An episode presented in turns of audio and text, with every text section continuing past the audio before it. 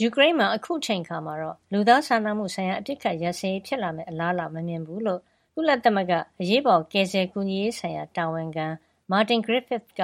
တနင်္လာနေ့ ကုလသမဂ္ဂရုံးချုပ် သတင်းစာရှင်းလင်းပွဲမှာ ပြောပါတယ်။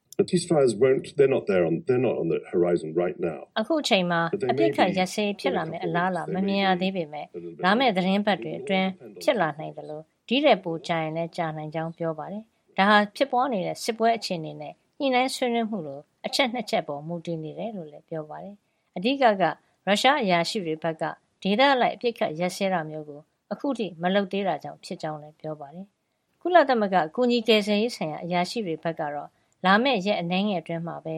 ယူကရိန်းအရှေ့ပိုင်းကတိုက်ပွဲတွေဖြစ်နေတဲ့ Donetsk ဒေသကိုသွားဖို့စီစဉ်နေတယ်လို့လည်းပြောပါတယ်။ဒါ့အပြင်အဲဒီဒေသကနေ Luhansk ဒေသထဲကိုကယ်ဆယ်ကူညီရေးပစ္စည်းတွေပေးပို့ဖို့လုပ်မှာဖြစ်ကြောင်းလည်းပြောပါတယ်။